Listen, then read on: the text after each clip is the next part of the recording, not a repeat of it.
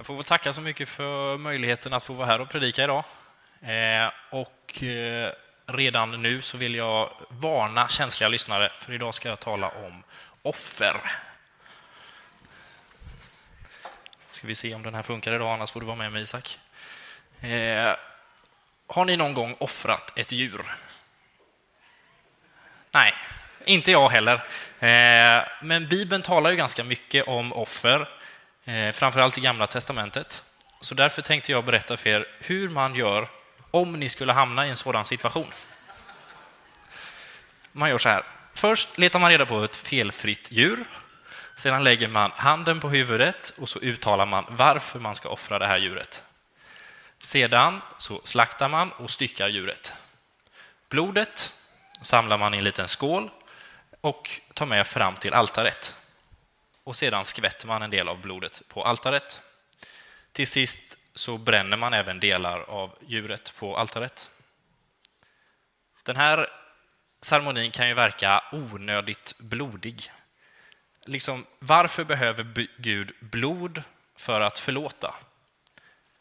Och varför gör vi inte det här längre? Och sen är Jesus Guds lamm. Vad innebär det? Ja, det är många frågor. Men eh, jag tänkte börja med att ta med er på en resa genom första och andra Mosebok. Vi börjar i början. Här, du får nog vara med mig Isak, hur det funkar.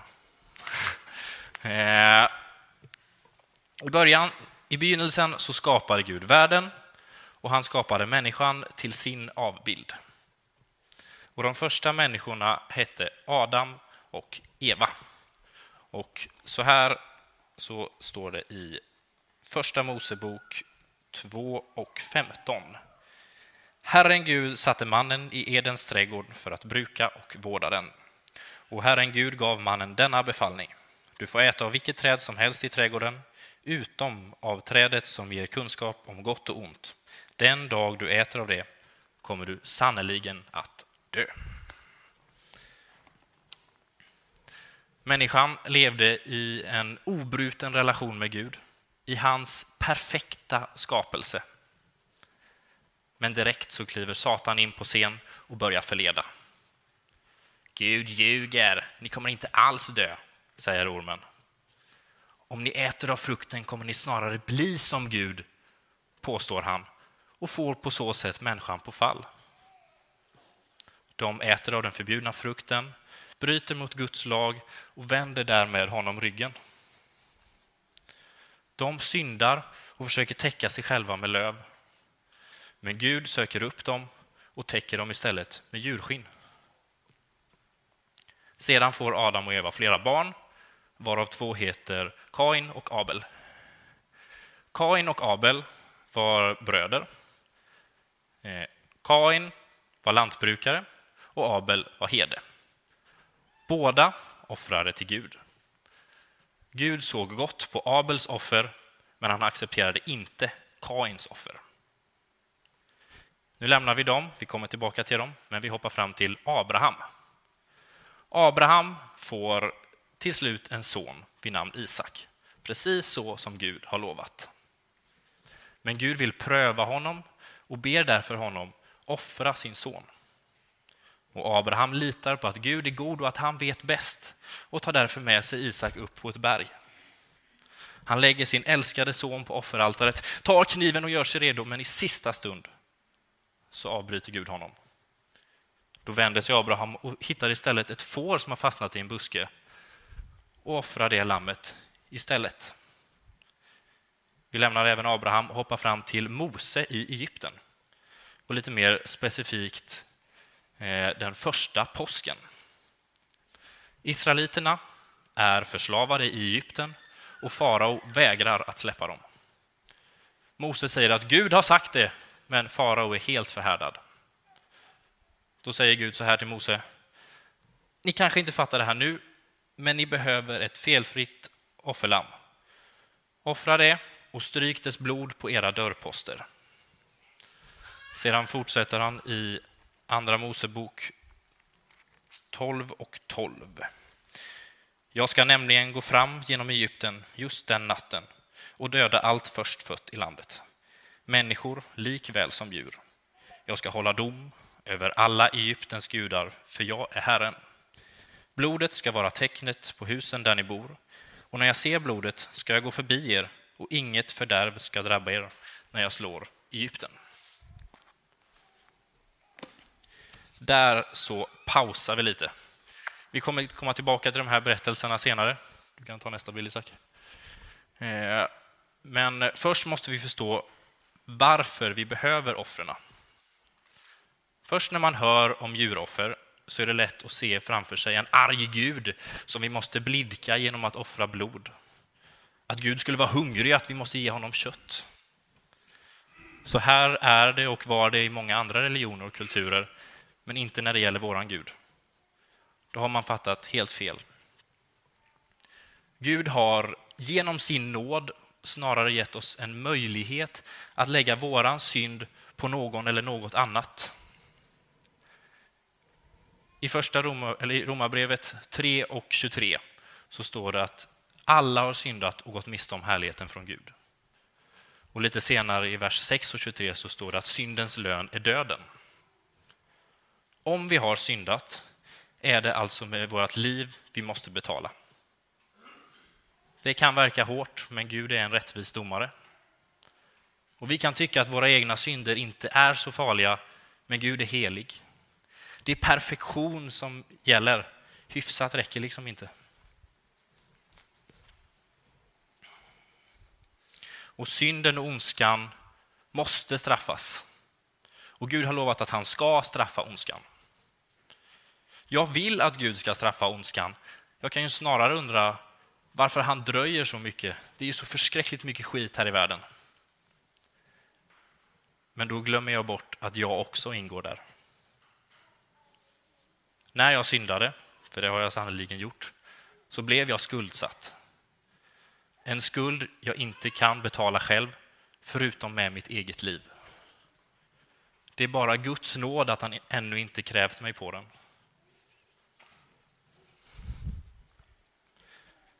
Men samtidigt så, vill, så älskar Gud oss och vill ha en relation med oss. Han vill inte att vi ska förgås. Så hur löser han det här dilemmat? Å ena sidan så finns det en skuld och ett dödsstraff som måste betalas. Och samtidigt så vill inte Gud utrota hela mänskligheten. Och det är här djuroffren kommer in i bilden. Det är Guds fantastiska lösning.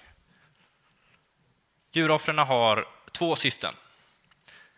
Det första är att påminna oss om syndens allvar. När israeliterna såg livet och blodet rinna ut ur ett lamm så förstod de vad deras syndiga gärningar egentligen förtjänade. Att det här var inget som Gud såg lätt på. Men det är inte bara något symboliskt, utan det är något rent konkret som faktiskt sker. I Hebreerbrevet 9 och 21 så står det att utan att blod utgjuts, utgjuts finns ingen förlåtelse. Lammet blir ett substitut för oss och synden läggs på det istället. Israeliterna kunde, eller det här lammet har ju inte gjort någonting och det är just därför som det kan ta dess plats. Israeliterna kunde på så sätt bli rentvådda utan att själva dö. Men problemet med att offra djur är att de inte helt och fullt kan ta vårt straff. De är ju ändå djur och inte människor. Och Det var därför folket var tvungna att offra djur om och om och om igen. Nu hoppar vi tillbaka till berättelserna så ska vi få se hur Gud arbetar och hur han har varit med genom hela berättelsen. Ingenting var en slump, utan allt har en mening. Vi börjar vid syndafallet. Människan syndar och försöker fixa det på egen hand. Men Gud täcker dem istället med djurskinn. Det står inte vilket djur han får skinnet ifrån, men vi kan veta att för att täcka människan så behövde oskyldigt blod utgjutas. Nu till Kain och Abel. Båda offrade till Gud. Gud såg gott på Abels offer, men han accepterade inte Kains. Har ni någon gång funderat på varför? Det enda jag vet är att Kain, han var lantbrukare och han offrade därför en del av den skörd som han hade arbetat ihop. Medan Abel, han var herde, så han offrade ett lamm. Nu hoppar vi fram till Abraham. Och där är lammet igen. Lammet i busken tar Isaks plats på offeraltaret. Och nu till sist till Mose. Och där har vi lammet ännu en gång. Oskyldigt blod från ett lamm täcker människan ännu en gång. Börjar ni se mönstret nu och förstå vad det betyder? Gamla testamentet är ofta en skuggbild på det som senare ska komma. Och i Hebreerbrevet så jämför författaren det gamla förbundet i Gamla testamentet med det nya förbundet vi har i Jesus. Och I kapitel 9 så eh, talar författaren just om hur Jesus är det fullkomliga offerlammet. Det står så här. Men nu har alltså Kristus kommit som överste präst för detta nya förbund med allt det goda det för med sig. Han har gått igenom det stora och fullkomliga tält som inte är gjort av människor och därför inte tillhör den här världen. En gång för alla gick han in med blod i helgedomen, inte med blod och getter, inte med blod från getter och kalvar, utan med sitt eget blod och åstadkom, åstadkom så en evig återlösning. Halleluja. Och nu, om nu blodet från getter och tjurar och askan från en kviga som stänktes på det orena kunde helga det så att det till det yttre blev rena, hur mycket mer ska då inte blodet från Kristus rena våra samveten från döda gärningar så att vi kan tjäna den levande guden? Kristus bar ju fram sig själv som ett felfritt offer åt Gud genom kraften i den evige anden.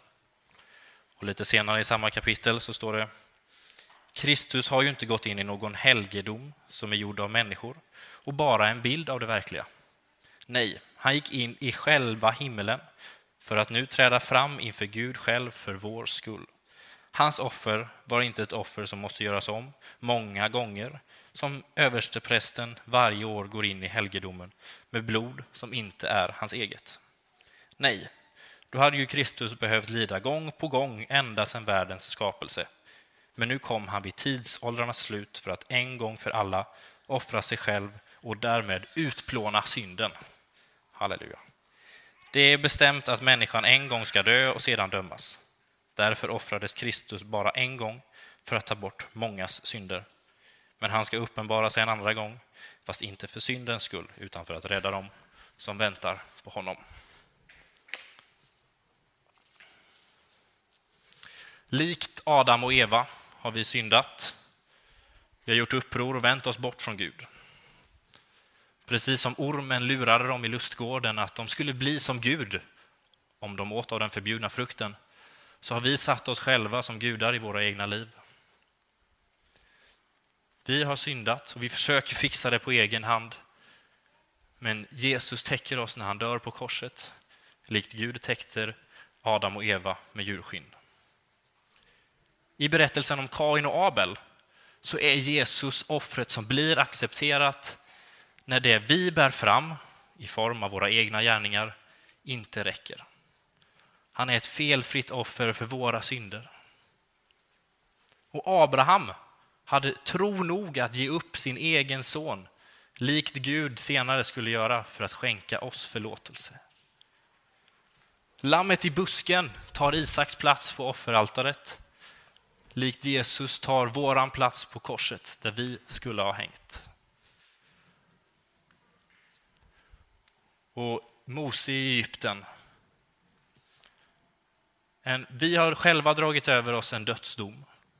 Men Gud har lovat att döden ska gå förbi oss om vi är täckta i Jesu blod. Likt dödsängen gick förbi israeliterna som hade strukit blod på sina dörrposter. Min lilla kurs i off, djuroffer här tidigare var uppenbarligen inte så nödvändig. Vi kan ta nästa. Vi behöver ju tack och lov inte offra djur längre. Men eh, frågan kvarstår ändå. Vad kommer du lägga fram på ditt offeraltare? För en dag kommer vi alla lämna det här livet på jorden och stå inför Gud på domens dag. Vad tänker du göra då? Vad tänker du säga för att övertala honom om att rättfärdiga dig och släppa in dig i himmelriket? Vilka goda gärningar och fina tankar kommer du peka på för att imponera på Gud? Hur mycket du hjälpt till i kyrkan? Hur du tagit hand om din familj? Eller att du egentligen aldrig gjort något riktigt avskyvärt i dina egna ögon? Vad kommer du visa upp och säga att Gud, på grund av det här kan du väl ändå rättfärdiga mig? Sanningen är att om vi har satt vår tilltro till Jesus och bara Jesus så behöver vi inte göra det. Vi kan bara stå där, peka på Jesus och säga Gud, sök inte rätt, min rättfärdighet hos mig, utan se på din son. Leta inte efter min rättfärdighet i något som jag har gjort eller något jag är, utan bara hos honom. Han levde det livet jag borde ha levt och han dog den död jag hade förtjänat. Jag bär inte fram något eget utan litar helt på Jesu namn. Gud, frikänn mig i domen och säg att jag är rättfärdig. Bara på grund av Jesus. Ditt perfekta offerlamm. Ska vi be. Ja, tack Jesus att du har tvättat oss rena. Tack Jesus att du har tagit våran plats. Tack Jesus att du har dött för våra synder och att vi nu kan få bli rättfärdiga genom dig. Tack Jesus för att du har öppnat vägen till himmelriket och att vi i evighet kan få bo tillsammans med dig där. Vi bär inte fram något eget utan litar helt på ditt namn Jesus. Välsigna oss och resten av den här dagen nu. I Jesu namn. Amen.